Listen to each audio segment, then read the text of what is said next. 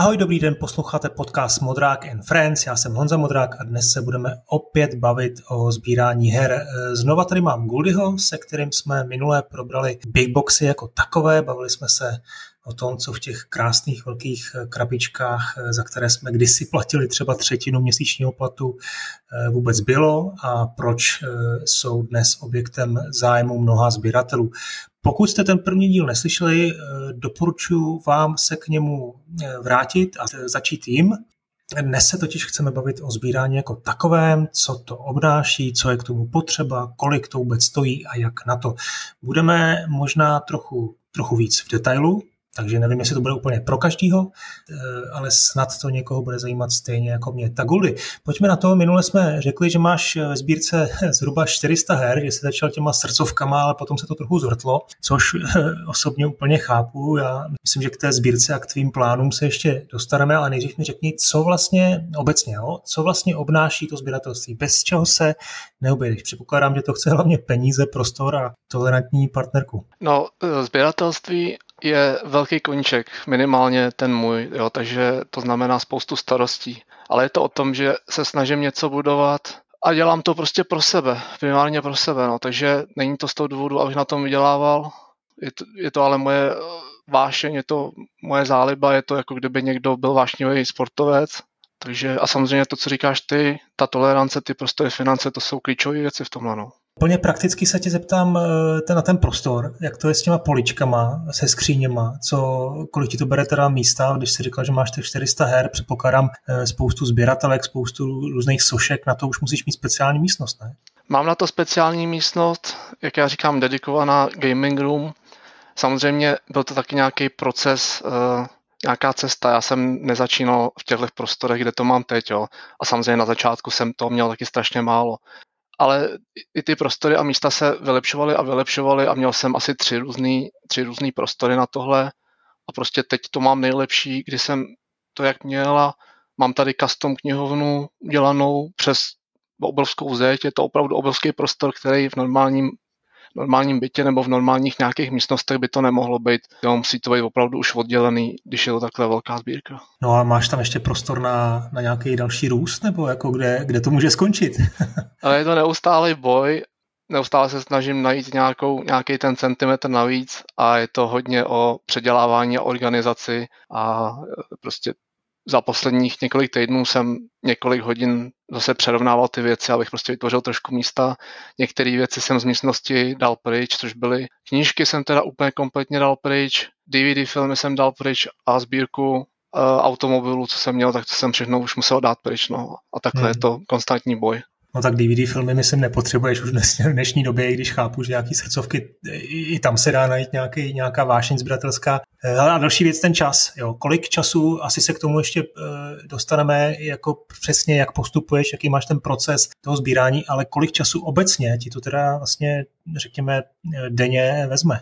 Rozdělil bych to na dvě části. To jedno je schánění a budování a to druhý je starání se o tu sbírku a to celé by mohlo být by mohlo být zaměstnání v podstatě, kdybych to složil dohromady ten čas, tak bych mohl normálně chodit do práce na 8 hodin a dělat tyhle ty věci. Ale já to dělám prostě ve svém čase jako navíc a zabírá to teda hodně času. Je to věc, která funguje na denní bázi, každý týden, každý měsíc, několik let to takhle dělám. Je to prostě velká starost. A ta tvoje sbírka konkrétně teda, už jsme naznačili, začal si těma srdcovkama eh, a potom se to rozrostlo o věci, které se ti prostě jenom líbily. Eh, jak teda teď vlastně eh, vidíš tu, tu svoji sbírku a jak jako postupuješ? Máš nějaký, máš nějaký jako seznam vysněných her nebo prostě koukáš na, na eBay a když tě něco cvrkne do nosu nebo tam vidíš něco zajímavého, tak se zúčastníš té aukce nebo jak teda, jak teda postupuješ? No tak asi před měsícem jsem měl v hledáčku 150 věcí, dnes dneska je to asi nějakých 200 věcí.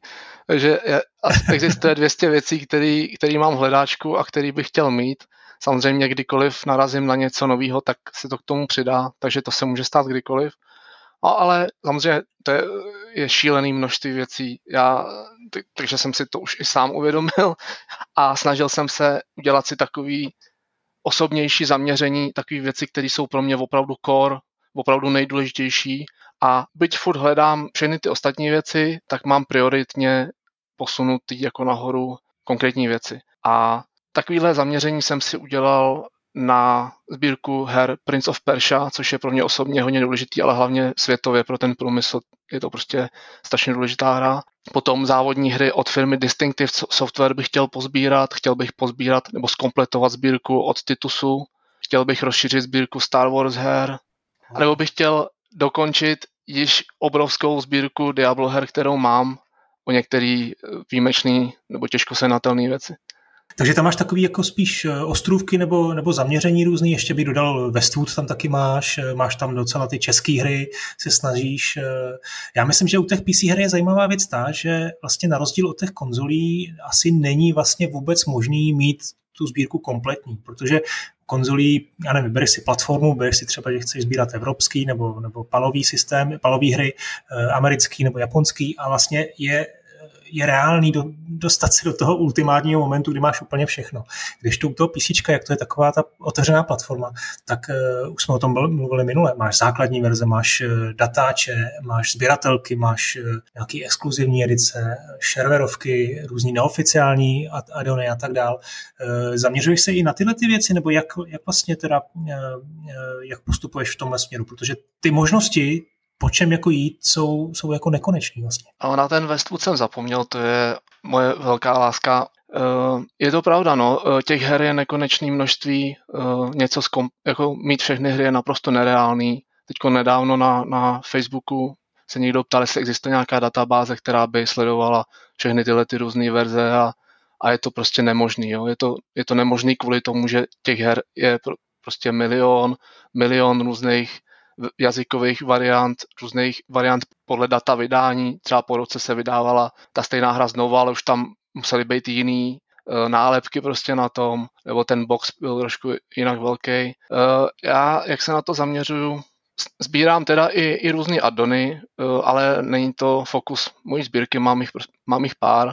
Jsou některý, který bych chtěl hodně, ale, ale není to můj fokus, protože ty addony jsou vyrobený od buď od nějakých fanoušků, anebo od nějakých third party hmm, nezávislých nebo ne, no. neoficiálních jako vývojářů, který prostě jenom naskočili na ten trend. Já vím, že u Duke, u Duma takových, takových releaseů bylo jako strašně moc a eh, tam asi jako ne, není ani nic, co, bys, eh, co by byla úplně srdcová záležitost. Ono to ani kvalitou to většinou nedosahuje těch, těch originálů. No dobře, pojďme k tomu procesu. To bude asi to nejzajímavější. Jak teda vlastně to, ten proces sbírání funguje? Já myslím, že u nás to asi je převážně přes internet, nebo možná jenom přes internet, že nějaký blešáky tady, tady asi nejsou, ale dokážu si představit, že třeba v zahraničí uh, i třeba tohle uh, může, může být dobrá, dobrý způsob, jak se dostat ke starým hrám a celkem i levně, že? No v zahraničí ty blešáky právě figurují a fungují, což je něco, co trošinku závidím tady u nás. Uh, fungují tam různý sekáče, který u nás existují taky, ale je to spíš na oblečení a na nějaké takové blbosti, ale v té Americe nebo ve světě ty lidi obcházejí sekáče a občas opravdu něco najdou, něco podobného se může stát, ale je to spíš realitní věc u nás, že když objedeš nějaký knihov, knihovny, kam lidi prostě můžou odkládat ty knížky, tak občas třeba najdeš jednu hru nebo nějaký CDčka, že tam někdo odložil, no. Ale, hmm. ale včera je tohle to prostě zanedbatelná věc. Primárně funguje prostě ten eBay, je to, nebo je to ta nejvyšší liga nebo hra jo, na tom eBay. Prostě fungují samozřejmě internetové bazary, marketplace na Facebooku, dá se prostě nakupovat eh, tím, že máš kontakty na nějaký konkrétní lidi, ale největší hřiště je ten eBay, no, což je svět sám pro sebe. Eh, a tam si myslím, že tím, že to je svět sám pro sebe, nebo tím, že to je největší hřiště, tak tam asi i je, eh, je ten tlak na tu cenu jako obrovský. Jak, jak vlastně na tom eBay jako funguješ, jak to hledáš? No na tom eBay tak je to, je to pro, proces, který se musíš dlouhodobě učit. Eh, je dobrý se naučit různý hesla nebo názvy, pod kterými ty lidi vystavují předměty.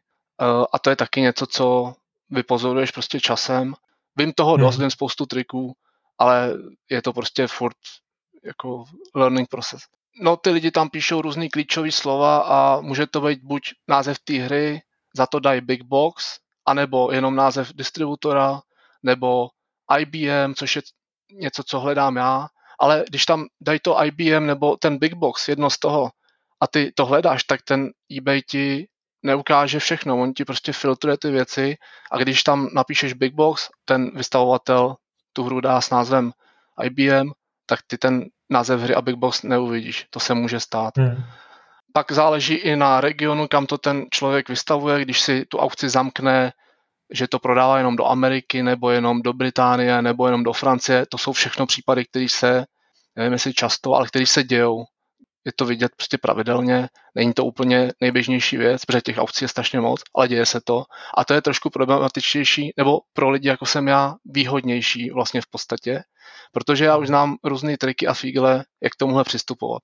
Mám zaběhnout i do tohohle?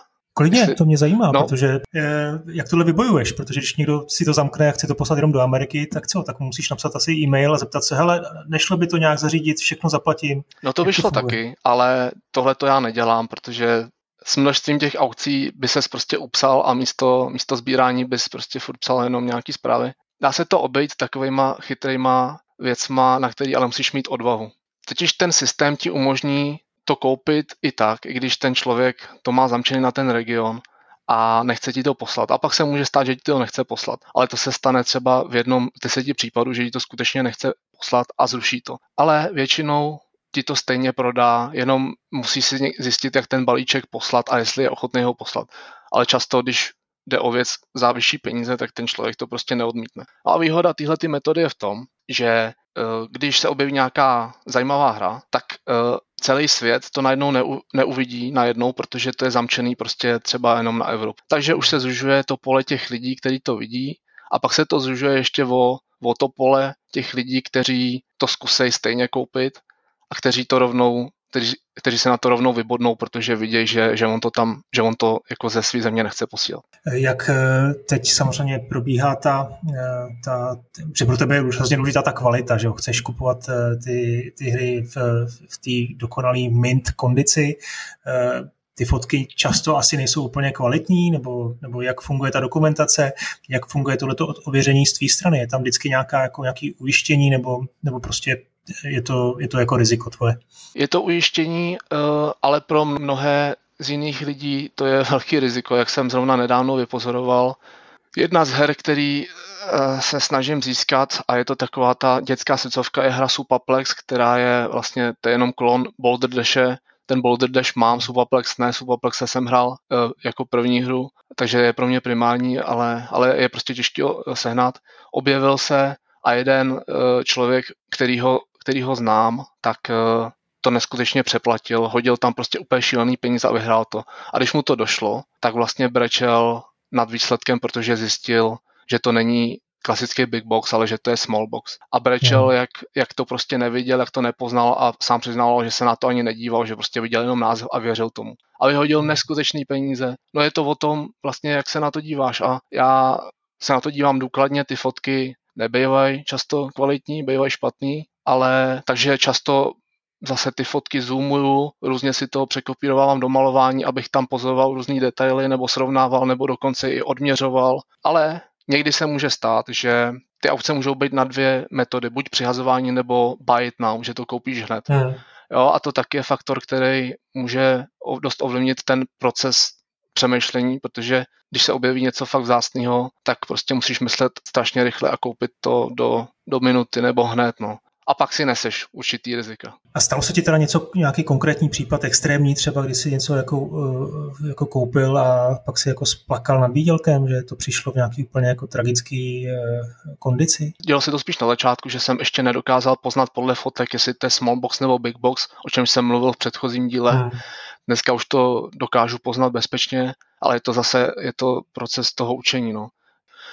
A co se týče toho stavu, že by Takhle no, že eh, děje se to, že ti prodejci se snaží zatajovat některé ty věci, jo? že ti ukážou hmm. třeba jenom předek strany, ale neukážou ti zadek a kde je nějaký poškození a pak to přijde, jako ty to tam vidíš, že jo? což je teda o tom, že ty by si to měl chtít vyzjistit, jak to teda vypadá, ale je to o té komunikaci, no a zase, jestli budeš si s každým psát, je to na tobě, no. Anebo se mohlo stát, že to přišlo poškozený z dopravy, za což nemohl ten, ten prodejce zasanovat. Hele, a když se takhle zeptám, možná hloupě, ale ty lidi, kdo to prodávají, myslíš si, to jsou už vlastně sběratelé, už lidi, kteří jsou poučení, kteří vědí, co prodávají, a nebo tam jsou často třeba lidi, kteří to našli někde, někde ve sklepě a řekli si, hele, já to dám za dva dolary a uvidíme, co to udělá a pak jsou překvapení, že se to, že se to tam jako přihazujete a kupuje to někdo za 150 dolarů. Asi to je jako v oboje, viď? No, jsou tam úplně všichni, úplně všichni uh, lidi, kteří najdou někde prostě na půdě něco, dají to tam za babku. Jsou to sběratelé, jsou to lidi, kteří se tím živí, kteří, kteří mají založený vyloženě obchod na přeprodej her a schánějí hmm. to, nebo to odkupují od jiných. Hledají prostě lidi, kteří to dávají no ne pod cenou, nebo i pod cenou, ale za nějakou cenu, oni to koupí a pak to dají za vyšší cenu. A čím víc skupují hmm. takhle ty věci z toho trhu, tak mají víc vliv jako zvedat tu cenu, že jo? protože když skoupíš, když bude existovat 10, 10 krabic eh, hry Doom a ty všechny koupíš za tisíc dolarů, tak je pak můžeš všechny dávat za dva tisíce a, a už to nikdo nemůže koupit za tisíc, že jo? takže ty seš hybatelem hmm. prostě toho trhu. No. Jak funguje ta cenotvorba, jak bych tak řekl odborným názvem ekonoma?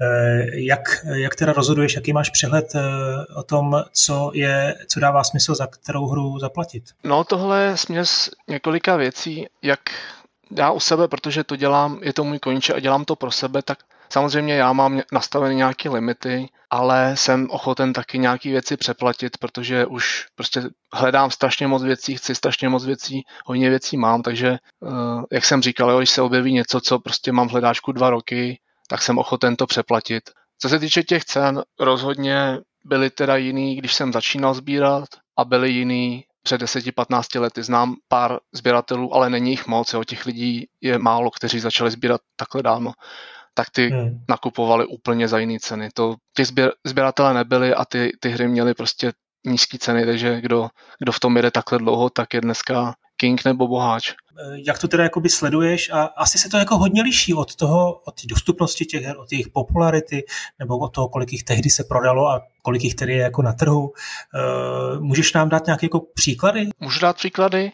Ty ceny se dají sledovat podle toho, podle prodaných aukcí, jo, což je dost, často, dost častá chyba, která se děje, je, že teď se mi to nedávno stalo po té reportáži v Ripley, vlastně mě skontaktovali nějaký lidi na e-maily a někdo mi nabízel nějaký hry a pak se šel podívat, za kolik jsou vystavený na té aukci a napsal mi, no tak to, tak to moment to se nedomluvíme, protože ty hry stojí tolik a tolik. No, bohužel, ale když se někdo bude podívat na, na částky, za které jsou ty hry vystaveny, tak uvidí náhodný čísla. Jo? Ty můžeš kdykoliv vytvořit aukci a napsat tam, že prodáváš tričko, který máš teď na sobě za milion korun. Tady u toho sběratelství nejsou pevné ceny. Eh, může se prodat pět, pět her Mech Warriora třeba za tisícovku a pak šestou někdo koupí za dva tisíce, protože to pro ně nejsou žádný peníze. Když, budeme, hmm. když vezmeme hry, které jsou ve stejném stavu, což je samozřejmě důležitý faktor, že ty hry jsou v různých stavech, jsou různé verze hmm. a to taky s tou cenou hýbe. No konkrétní příklady. Včera nebo minule jsme eh, se bavili o tom ID Anthology, který máš a který ti upřímně závidím, to opravdu uh, buď na to hrdý, že to máš. Uh, eh, ID Anthology, která, že tobě chybí to tričko, tak jsem si našel edici, která byla kompletní a měla to tričko. A ta se prodala za 21 tisíc. Potom, když to, když to nemá tričko, tak ta cena jde dost dolů a nějaký kusy se prodaly třeba za 6 nebo 8 tisíc. Ale ten komplet se opravdu prodal za 21 tisíc.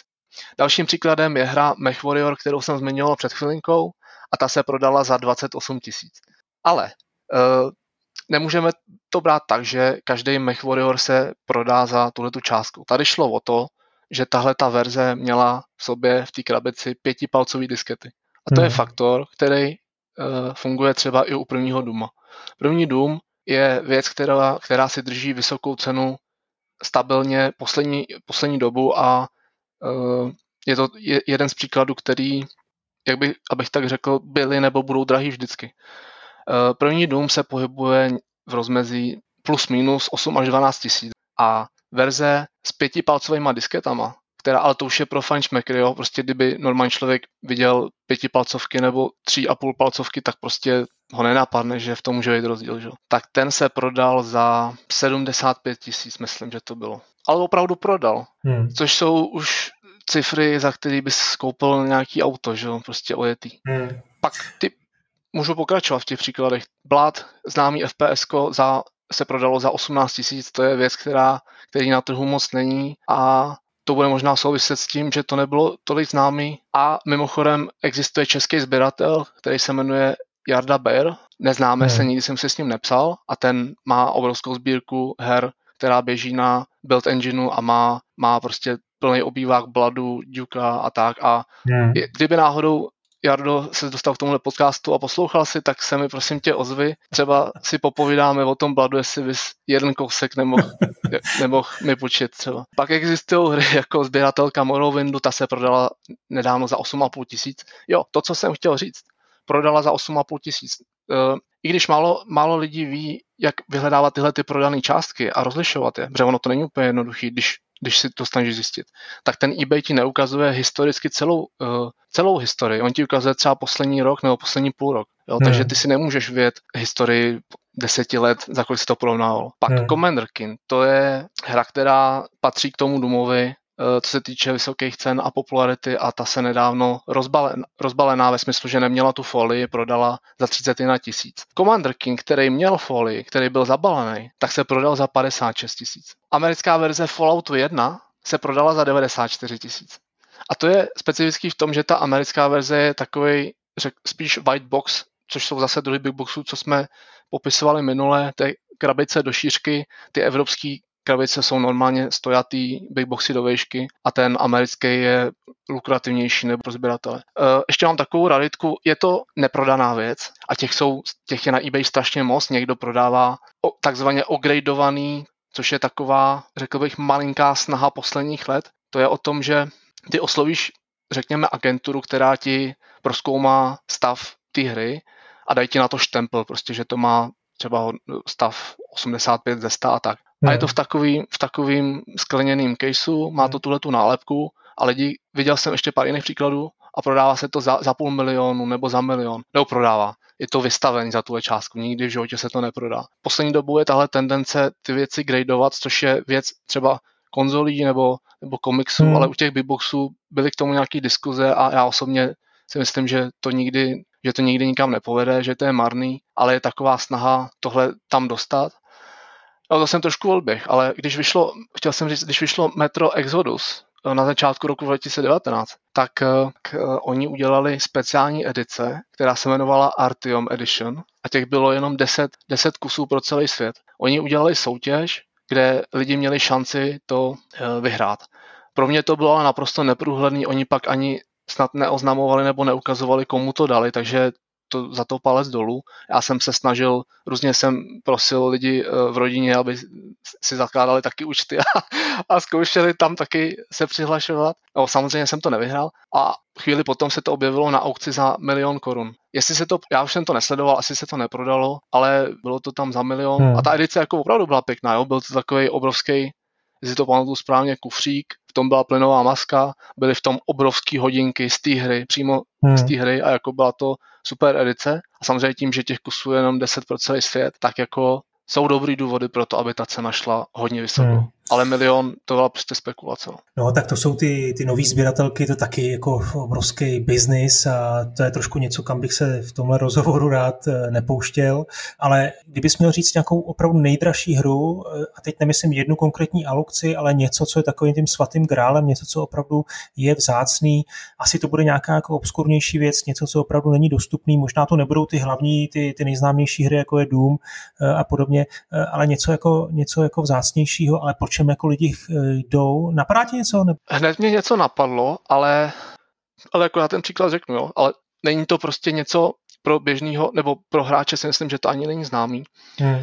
A jedná se o Akalavet, který, to je vlastně od lord, takzvaného Lorda Britishe, uh, od Richarda Geriota svým občanským jménem, první, nebo takzvaná nultá verze Ultimy. A to ještě hmm. vyšlo v Ziploku, uh, v Pitlíku a to se nedávno prodalo za 150 tisíc, což je trošku vyšší částka, ale i ty, oby, i ty normální akalabety se prodávají okolo třeba 80-100 tisíc. No. O tom já říkám, že tohle je skutečný svatý grál. Pro takový ty mainstreamový sběratele svatý grál první dům. ale tohle je skutečný, nebo takový níž, níž svatý, opravdový svatý grál prostě. No. No, aby jsme zase trošku ty posluchače uklidnili, tak eh, když jsme teď zmínili, když jsme teď zmínili spoustu extrémů, tak naopak, jako běžná cena, běžná hra. Mě mě zajímalo, kdybych já chtěl sbírat a měl takové ty klasické věci v, v hledáčku Wolfensteina, Prince, tak za kolik je pořídím? Předpokládám, že třeba to bude za 2000, za 3000, že ty... No, tak to se trošku pleteš, protože zrovna ten Prince a Wolfenstein to jsou legendární hry, který, který se pohybují někde okolo 5 až 10 tisíc, záleží za co. Ten Wolfenstein je teda dražší než ty princové. Jsou samozřejmě extrémy, že je speciální, ty princové vyšly nejdřív v normálních boxech, ale dobře se to neprodávalo a nějak rok na to to vyšlo jakoby znova a udělali proto takový ty, ty tripzoidový boxy, prostě takový ty zvláštně vypadající boxy a ten první třeba k jedničce, myslím, se pohybuje hmm. okolo 10-12 tisíc. Nedávno jeden Korejec zabalený ve folii ho dával za 100 tisíc, no ale to je, to je jako neprodejný. Takže tohle jsou zrovna ty dražší hry, ty mainstreamové dražší hry ale obecně normální hry, když si budeš chtít koupit třeba nějakou strategii Age of Empires, Tiberian Sun, to je věc, která se dá pořídit za tisíc korun přibližně plus minus. A pak zase na druhou stranu existují hry, které jsou statusově legendární známý. Řeknu příklad, který ty nemáš rád. Hra Mist. A to i když ta hra je ve folii, se prodává třeba za pětistovku, protože, protože hmm. toho je milion na tom trhu prostě. Tak teď se tady eh, jako házel docela s vysokýma částkama, tak eh, mě to mě začalo trošku jako jsem si říkat, hele a tohle příležitost, ne? Jako víš co, člověk vidí ty, Rozumím, poslouchá ty, ty, peníze, e, tak to dává docela smysl jako finančně, jako, nebo jako investičně, ne? No, smysl to dává. Já vždycky jsem razil, že to nedělám pro peníze a dost dlouho jsem i odmítal cokoliv prodávat, když jsem to měl dvakrát a hodně dlouho jsem tvrdil, že nejsem přeprodejice, což nejsem. Ale samozřejmě dneska už, když mám takové množství těch her, tak některé věci jsem prodal, nebo některé hry mám víckrát, jo. Mám dvakrát třeba Stance, závodní hru, která je pro mě naprostá srdcovka, je to legenda, tak to mám dvakrát, abych měl různé varianty těch disket, jo, abych prostě jich toho měl víc, protože si to fakt vážím. Máš to třeba na dvou různých místech, kdyby já ho jeden, jeden dům tě vyhořel, tak aby byla záloha. Rozumím tomu. Ale opravdu jsou sběratele, kteří se zaměřují na sbírání jedny a ty samé věci, že to mají třeba 10krát, 20krát, jo, jsou různý takovéhle zaměření. No a některé věci jsem samozřejmě prodal, když jsem nakoupil nějaký loty, to znamená nějaký hromady věcí, tak že jsem chtěl něco z toho a bylo tam k tomu něco, co už jsem měl, tak prostě občas získáš něco navíc. Jsem to prodal a hodně rychle jsem zjistil, že uh, ty peníze se v tom dají uložit dobře, protože není problém cokoliv prodat. Uh, no, asi není slušný se tě ptát na, na nějakou hodnotu tvý sbírky uh, a rozumím, když mi nebudeš chtít odpovědět, ale dokážeš mi něco teda vypíchnout, nějaký třeba ten nej, nejhodnotnější exemplář, který máš? Uh, No, tak samozřejmě možná netradičně zkusím položit proti otázku, ale kdyby představ si, že budeš hrát třeba 10 let golf nebo se věnovat nějakému koničku, tak kolik myslíš, že peněz do toho člověk dá? Já si myslím, že to je hodně a když se intenzivně a hodně věnuješ, no celý život je přehnaný, jo, ale dlouhodobě se věnuješ nějakému koníčku, tak to sežere peníze, za který by si podle mě koupil nový auto nebo zuby. No, no, ale na druhou stranu tvoje výhoda je v tom, že když si koupím auto hezký, tak eh, za dva roky bude mít poloviční hodnotu, kdežto ty, eh, tvoje sbírka za, za, za dva roky bude prostě asi, asi eh, jako daleko hodnotnější než, než teď, že, že vlastně máš asi tě může trošku hřát to, to vědomí, že tu cenu prostě to nestratí, nebo tvoji partnerku. no můj, uh, můj cíl není ty věci prodávat, ale samozřejmě jsem si vědom té ceny a, a nejsem takový blázen, že bych ty peníze vyhazoval z okna a o těch věcech přemýšlím a nějak si je hlídám. Ale ne, i kdybych na těch věcech ty peníze ztratil, tak je, já to dělám z lásky vůči těm hrám, takže pro mě by to nebylo, nebylo jako tak rivný. A samozřejmě vím, jaký, jakou ty věci mají hodnotu, podle toho, kolik lidí a co mi píšou, tak není problém cokoliv prostě prodat minimálně za tu cenu, do kterou jsem do toho vložil já a o tomhle jsem se nedávno přesvědčil, že a věřím tomu, že je to dobrá investice, ale je to daný tím, že je to věc, který rozumím a to si myslím, že Jasně. tam je strašně důležitý. Možná vlastně nejdůležitější věc, že tomu rozumím. Pro, z toho důvodu já třeba se vůbec nezajímám o dnes strašně populární bitcoiny, protože Já tomu nerozumím. No tak ono dneska, dneska jde vydělat na, na, na Champs, že se, se říká, že se prodávají, nebo je velká eh, komunita sběratelů tenisek, nebo se kupují třeba Lego stavebnice prostě na, na, jako na investici. Mně se na to líbí, že ty to máš jako, že to bereš srdcem a tím se dostávám ještě k další věci, nebo další problematice, která s tím souvisí. Já mám kamaráda, který sbírá hry a ten je, ten je nerozbaluje zásadně protože má pocit, že jakmile roztrhne tu folii, tak eh, ztratí tu cenu. Jo, a já se mu hrozně vždycky směju, eh, že mi to přijde úplně absurdní, jo? Kupovat, eh, kupovat si hru a vlastně, vlastně ji nikdy nerozbalit a že si často říkám, Teď vlastně ty nevíš, jestli tam uvnitř je všechno tak, jak má být, jestli tam není třeba něco rozbitý, jestli tam něco nechybí, jestli ti někdo nevokrat, jestli ta folie je skutečná. Je tohle jako problém v té komunitě sběratelské? Je to problém a hned rozvedu proč. Eh, sbírání zabalených her je takový fenomén uvnitř sběratelského fenoménu. Eh, píše mi spoustu lidí a pohybuju se v té komunitě, takže to vidím denně, jo? ale píše mi i spoustu lidí a ukazují mi tyhle ty hry nebo se na to ptají. A já jim všem odpovídám tu stejnou věc. A jde o to, že já respektuju zaměření těch sběratelů, někomu to dělá radost, někdo v tom vidí smysl a já to chápu, ale musím zastávat ten názor, který si myslím, že je správný, jo, a to je dobro, dobro toho sběratelství a prostě té problematiky, která, která stojí na tom, že dneska jsme bohužel v situaci, že sběratelství mělo obrovský boom, těch lidí se do toho hrne víc a víc a s tím taky přicházejí nové problémy. A dneska je to tak, že bohužel ty folie se padělají a přichází se na to pravidelně.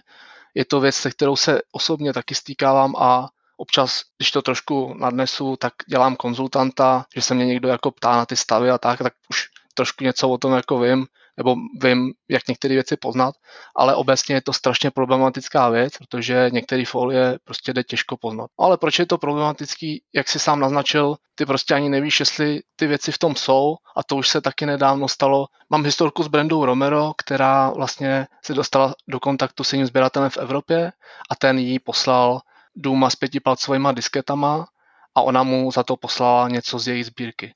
No a když to Romerovi přišlo, tak ona to rozbalila a zjistila, že ten obsah je vyrobený. Takže se s ním dala do kontaktu, pohrozila mu e, žalobama, on se začal strašně omlouvat, že už to nikdy neudělá, přiznal se k tomu, ona to teda nechala za to, že on jí to pošle zpátky, ale samozřejmě bohužel časem se ukázalo, že on v tom pokračoval. A takových lidí jsme za poslední rok v té sběratelské komunitě odhalili víc a je to problematika, která se, na kterou často narážíme. No. A samozřejmě zabalené věci zvedají svoji cenu, prodávají se prostě za víc, protože pro ty lidi to je jako to netčený a zabalený, že jo? takže a pak je to problém ve dvou dalších věcech.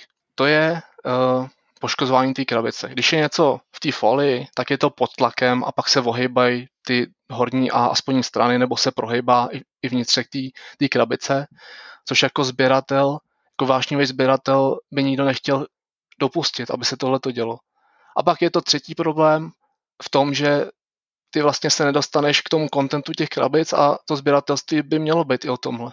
Ale respektuju ty lidi, že sbírá se různě, tohle jsou moje názory a někdo to dělá tak, že sbírá jak jeden zabalený kus, tak jeden rozbalený, což je zase finančně o to asi náročnější. No, no mně z toho jasně vyplývá, že, že prostě nemá cenu sbírat, sbírat ty, ty zabalené hry, protože nevíš, co je uvnitř a přesně se mi líbí, že se s tím můžeš mazlit prostě s tím vnitřkem.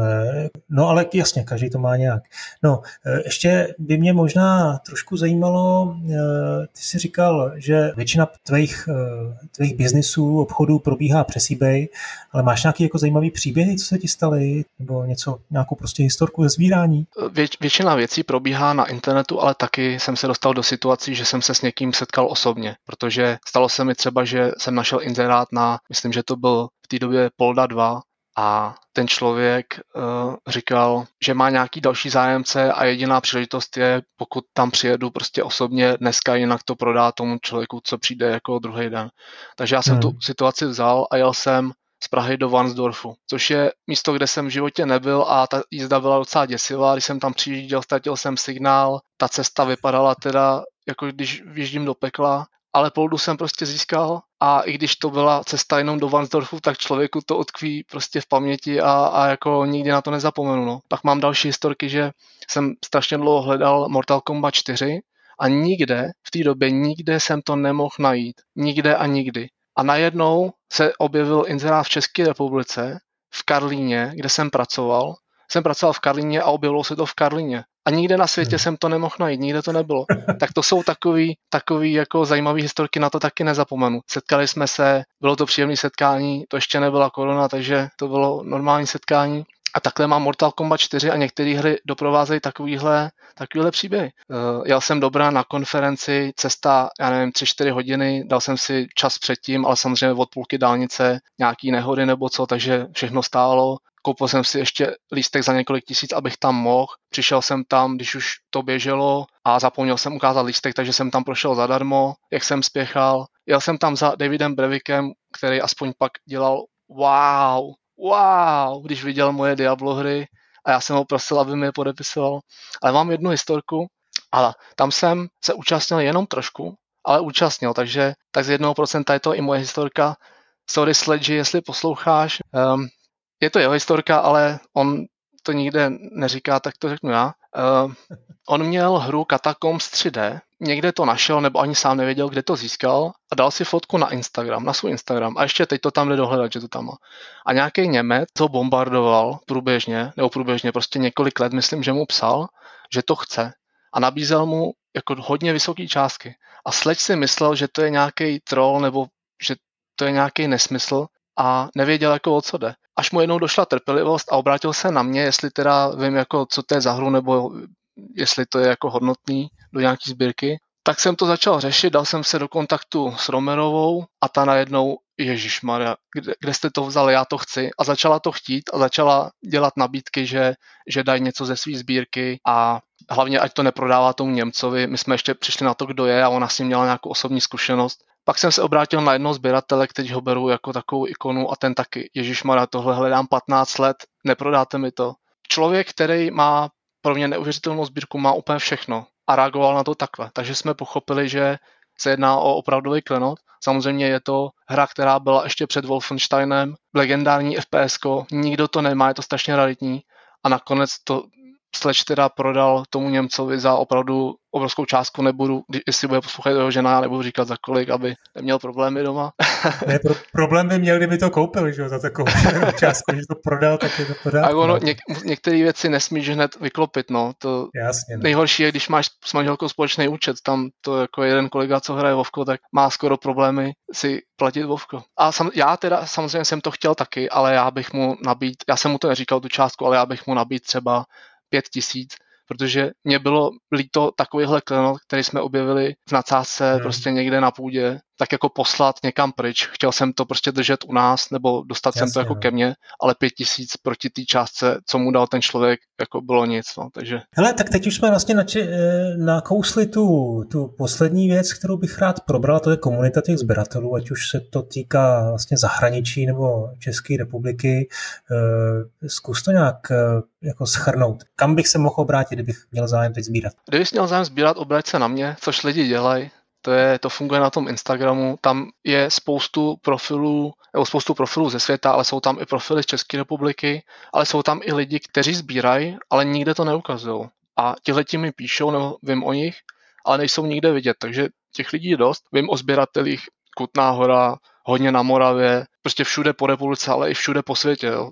Na Facebooku je obrovská skupina celosvětová, kde vím o pár, o pár lidech z Česka, Vím, že se tam pohybují, že tam jsou. Pak jsou komunity okolo našich českých retrovebů, kanály na Discordu. Takže eh, já bych to schrnul, ať to tady nemusíme jmenovat, ať eh, případně lidi můžou kontaktovat tebe a že, že někam odkážeš. Eh, když jsme se o tom bavili, tak si říkal, že velká komunita je, a už to vlastně zmínil i tady, nejenom v tom Německu, ale v Americe, v Austrálii, ale já jsem před pár lety viděl sbírku, jako obrovskou úctyhodnou sbírku nějakého chlapíka z Holandska. To je člověk, který se jmenuje Anne Bras, je členem je členem té facebookové komunity, má i in, uh, instagramový profil jako já. Do poslední doby se o tom říkalo, že to je největší sbírka na světě, nebo určitě, nebo minimálně oficiální, protože on si pozval i uh, lidi z Guinnessových rekordů, aby, aby mu to všechno přepočítali a zkontrolovali a, a vybojoval, si, vybojoval si skutečně ten diplom, že má největší sbírku. Dneska je to, řekl bych, že, že dost možná jí má furt největší, ale je, je to jako trošku diskutabilní, protože těch lidí jsou lidi, kteří ho minimálně doháně. Jo? Jako je pár, je pár lidí, kteří to mají takhle obrovský a mají to obrovský díky tomu, že mají okolo sebe komunitu a ty lidi mu to posílají, že jo? protože to je, hmm. to je všechno potom snaží. A... Hele, ale v tom Holandsku on, on má nějaký jako i muzeum, ne? Že to, jako nemá, že to má jako veřejně vystavený, to by se mi má, hrozně líbilo totiž. No, má to veřejně vystavený, má vždycky nějaký jako kontakty nebo spolupracovníky, kteří mu to kteří mu uh, poskytnou tyhle ty prostory. Není to tak, že by založil on jako on muzeum, ale má to vystavený a je to veřejný, no. No tak já myslím, že jsme to sběratelství probrali, ještě těch témat by bylo dost, ale eh, je to, je to úžasná, úžasný koníček, mně se to jako líbí, taky bych to chtěl mít doma, i když mi by se to sem asi nevešlo. Ale je, je mi trošku líto, že, že ty big boxy eh, vlastně skončily, že, že to všechno přešlo do těch DVD krabiček, že ten obsah eh, těch krabic vlastně úplně zmizel, že ty manuály, o tom jsme se bavili minule, se zmizely, že nejsou žádný ty trička, že nejsou žádný speciality, mapy, plagáty a tak dál. A to se občas trošku občas teď ukazuje, že přece jenom ta poptávka potom je, že jsou nějaké limitované edice a nějaké speciální hry a, a to je zase fajn, ne? To taky máš? No, ty big boxy sice umřely před 20 plus minus lety, ale začíná to zase obživovat nejen tím, že ta komunita furt roste a roste a je silnější a silnější, ale i tím, že, a ono to je důsledek té popularity, tak eh, že se začínají vyrábět nový moderní big boxy, které nejsou žádný falza, jsou to prostě nově udělané big boxy pro nové produkty většinou. Jsou takové hmm. příklady jako Ion Fury, což je pro mě osobně fantastický retro FPS, moc jsem si to užil a ta krabice je, je fajn. Připravují ještě nový FPS Wrath, který bude mít taky takovýhle big box je System Shock, jsou big boxy od Limited Run, který jenom ke Star Wars hrám udělali teď asi 6 až 8 big boxů k počítačovým verzím těch, těch hmm. her a pak ještě big boxy ke konzolím, takže se tady objevuje nový trend, který vlastně se snaží jít naproti té komunitě a vyrábějí se nový boxy. No. no to je super, třeba ten Sigil, že od Romera, když jsme mluvili o Romerovi, tak Sigil, výborná ta nová epizoda na Duma a k tomu udělal krásnou sběratelku. Ano, to je nádherná. A, a když si teď zmínil ten Limited Run, tak já teda ten web sledoval a uvažoval jsem tam o některých věcech, ale strašně mě odradili ty poštovní. To mi přijde úplně jako demoralizující pro sběratele, že si jako nemůže koupit třeba za 100, za 100 dolarů jako limitku, protože by zaplatil další 200 dolarů za poštovní plus že clo nějaký a, a DPH, takže eh, to, to s tím taky asi bojuješ. Ne? No poštovný je velký faktor, to jsme trošku, jsem na to zapomněl v našem hmm. povídání, o tom by se dalo taky povídat. Eh, je to tak, že poštovný je velkou součástí toho sbírání. Jo? Když si hmm. koupíš nějaký, nějakou hru za tisícovku, tak třeba za 400 až 800 máš, i te, máš ten shipping a pak se ti může stát hmm. podle toho, jak to ten prodejce prodává, že ještě musíš zaplatit, když to prodává tak, že to jde přes ty eBay skladiště, tak ještě jim musíš zaplatit celní poplatky, aby, to poslali z kontinentu. A pak můžeš hmm. mít ještě smůlu na to, že to zastaví celnice u nás čer, což se mi stalo za poslední měsíc třikrát. To je jednání, kde musíš dokazovat, co to je, v jaký hodnotě to je a oni pak ti dají nějaký byrokratický poplatky a ještě to proslej, takže zaplatíš nemalý peníze navíc a teď dělají změnu, že od poloviny tohohle roku se bude proslívat údajně úplně všechno, co přijde mimo Evropu. Teď to bylo na limit do 600 korun, teď to bude úplně všechno. Takže to je zase věc, která, která jde jakoby proti té radosti toho sbírání teď. No. Hele, tak jo, poslední otázka. Probrali jsme to sběratelství. Mně se líbí, že to všechno hraješ. Předpokládám, že ty hry, když dostaneš, tak si hned nainstaluješ diskety nebo sedečka a znova to musí zkusit. Eh, jaký jsi teda hráč? Jsem, hraju nové hry i staré hry. A já hraju, mám, jako, jsem spíš asi hráč těch nových her, i když to bude asi překvapení, ale já mám nedostatek nových her, jo, proto se vracím i k těm starým, protože když něco vyjde, něco velkého a já hraju opravdu všechno, ať jsou to hry na 80 hodin, na 100, 120, tak tak prostě jsem člověk, který si na to bere dovolený a když vyšel Cyberpunk, vzal jsem si na to dovolenou a tři dny jsem nespal, dokud jsem to nedohrál. Takhle prostě hmm. hraju ty hry, dohraju všechny tyhle ty velké tituly. Samozřejmě nehraju úplně všechno, hraju to, co mě zajímá. A pak není moc co hrát, takže si opaku staré hry. Nedávno jsem dohrál svý oblíbený RPGčko Knights of the Old Republic 2 od Obsidianu. Miluju jedničku i dvojku. Eh, často hraju Street Rody, připomínám si ty staré hry a hraju nový hry. Teď musím se pochlubit dneska ráno. Asi do tří jsem vykejs u Nebuchadnezaru, nová česká budovatelská strategie a konečně jsem to hmm. dohrál. Na začátku jsem byl trošku naštvaný kvůli některým věcem, co tam mají, ale pak mě to chytlo a má to tendence člověka pohltit. Mám tam teď asi 100 hmm. hodin a jako vůbec bych neřekl, že to je 100 hodin.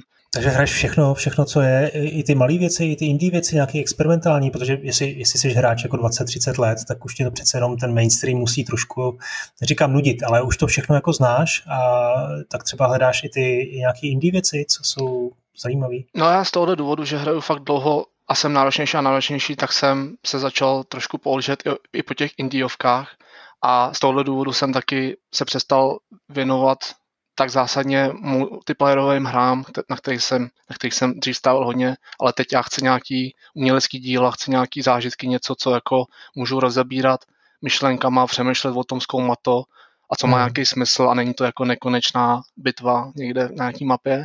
Takže jako mám rád hry jako Dark Souls, hraju prostě opravdu eh, nejrůznější věci. Z těch indiovek jsem hrál třeba Papers, Please, to byla indiovka, která hmm na kterou jsem smekal, že to je opravdu něco, že to je jako myšlenka. A ještě navíc je to, je to hra, kterou udělal jeden člověk, což, což pro tebe, jako že jsi součástí té mašinerie, že děláš v Warhorzu testra, tak to sám musíš vidět, že to asi nebylo nic jednoduchého. Jo, jo, to další dobrý příklad je ten Hrot, jo. Hrot je, hmm. Dohrál jsem to, je to naprosto parádní hra, na který mě fascinuje, že to je prostě to, ten československý socialismus, že to je naše hra, je to náš Quake a říká se, že udělal to jeden člověk, hlavní síla je jeden člověk, ale ono jich celkem bylo pět, protože tam byly nějaký zvukaři a tak. Ale stejně v takhle malém týmu je to něco, před čím smekám, protože nás jako ve Warhorse je 150 a je to jako peklo, no, dělat velkou hru. Hmm. Eh, ještě mě zajímalo, eh, ty si v tom prvním dílu tuším říkal, že jsi jako rizí PC hráč, takže má konzole tě vůbec nezajímají. Proč? To taky, taky mě, jako bych čekal, že některé ty, ty exkluzivitky, že by si jako minimálně tu konzoli domů půjčil a zahrál si, já nevím, Last of Us nebo Ghost of Tsushima. Vůbec? No, jsou uh, některé tituly, nad kterými trošku pláču, že to nemůžu hrát a třeba Alex byl titul, u kterého jsem přemýšlel, že bych si pořídil to VR, a nakonec jsem to hrál v práci, kde jsme, kde jsme to jako měli. Uh, ale jinak tomu dost odolávám, protože já třeba v těch devadesátkách jsem hrál na nějakých větnamských konzolích nebo PlayStation 1 třeba, když bylo, tak to jsem hrál. Ale potom ten můj PC život byl tak jako extrémní a tak intenzivní, že já, já mám problém totiž v tom, že já jak jsem naučený, já mám opravdu jako vysoký desítky tisíc hodin nahraných hrách, jo? a já, já už prostě pro mě je zásadní to, jaký máš framerate a hlavně to ovládání té myši. Kdyby, kdyby na těch konzolích šlo hrát myší a klávesnicí, tak já bych si koupil a hrál na tom. Takže tohle je vlastně asi možná hlavní faktor pro mě. No. To ovládání a hmm. ta, jasně ta špičková jako technická úroveň, že máš jako dobrý, protože, dobrý počítek. Protože já prostě jsem hráč, který uh, jako když jsem dohrál Sekiro nebo Dark Souls, tak prostě některé ty fighty, samozřejmě tam jako na jednom bossovi jsem tam umíral, myslím, 6 hodin nejvíc, to byl ten nejtěžší boss, ale, ale prostě tam je strašně důležité to ovládání a já jsem dřív hrál hodně, jako třeba v Call of Duty 2 jsme měli klany a, a tak a různě FPS, takže pro mě ta myš je jako třetí ruka, já už jsem na to tak strašně zvyklý, že na tom gamepadu mě to neláká. No. Hele, tak já ti moc děkuju za, za dva rozhovory, krásný, bylo to super povídání. Doufám, že třeba ještě bude nějaká přejitost za čas si třeba ještě doplnit eh, vzdělání o tom sbírání těch eh, věcí, které by se ještě daly probrat dost. Eh, díky. Ještě teď všichni posluchači jenom připomenu, že Goldyho můžou najít na Instagramu, odkaz najdete v popisu tohohle, tohohle podcastu, takže směle pište, followujte ho a zachovejte nám přízeň. Ještě jednou díky, Kuldy, za tvůj čas. Čau. Díky, čau.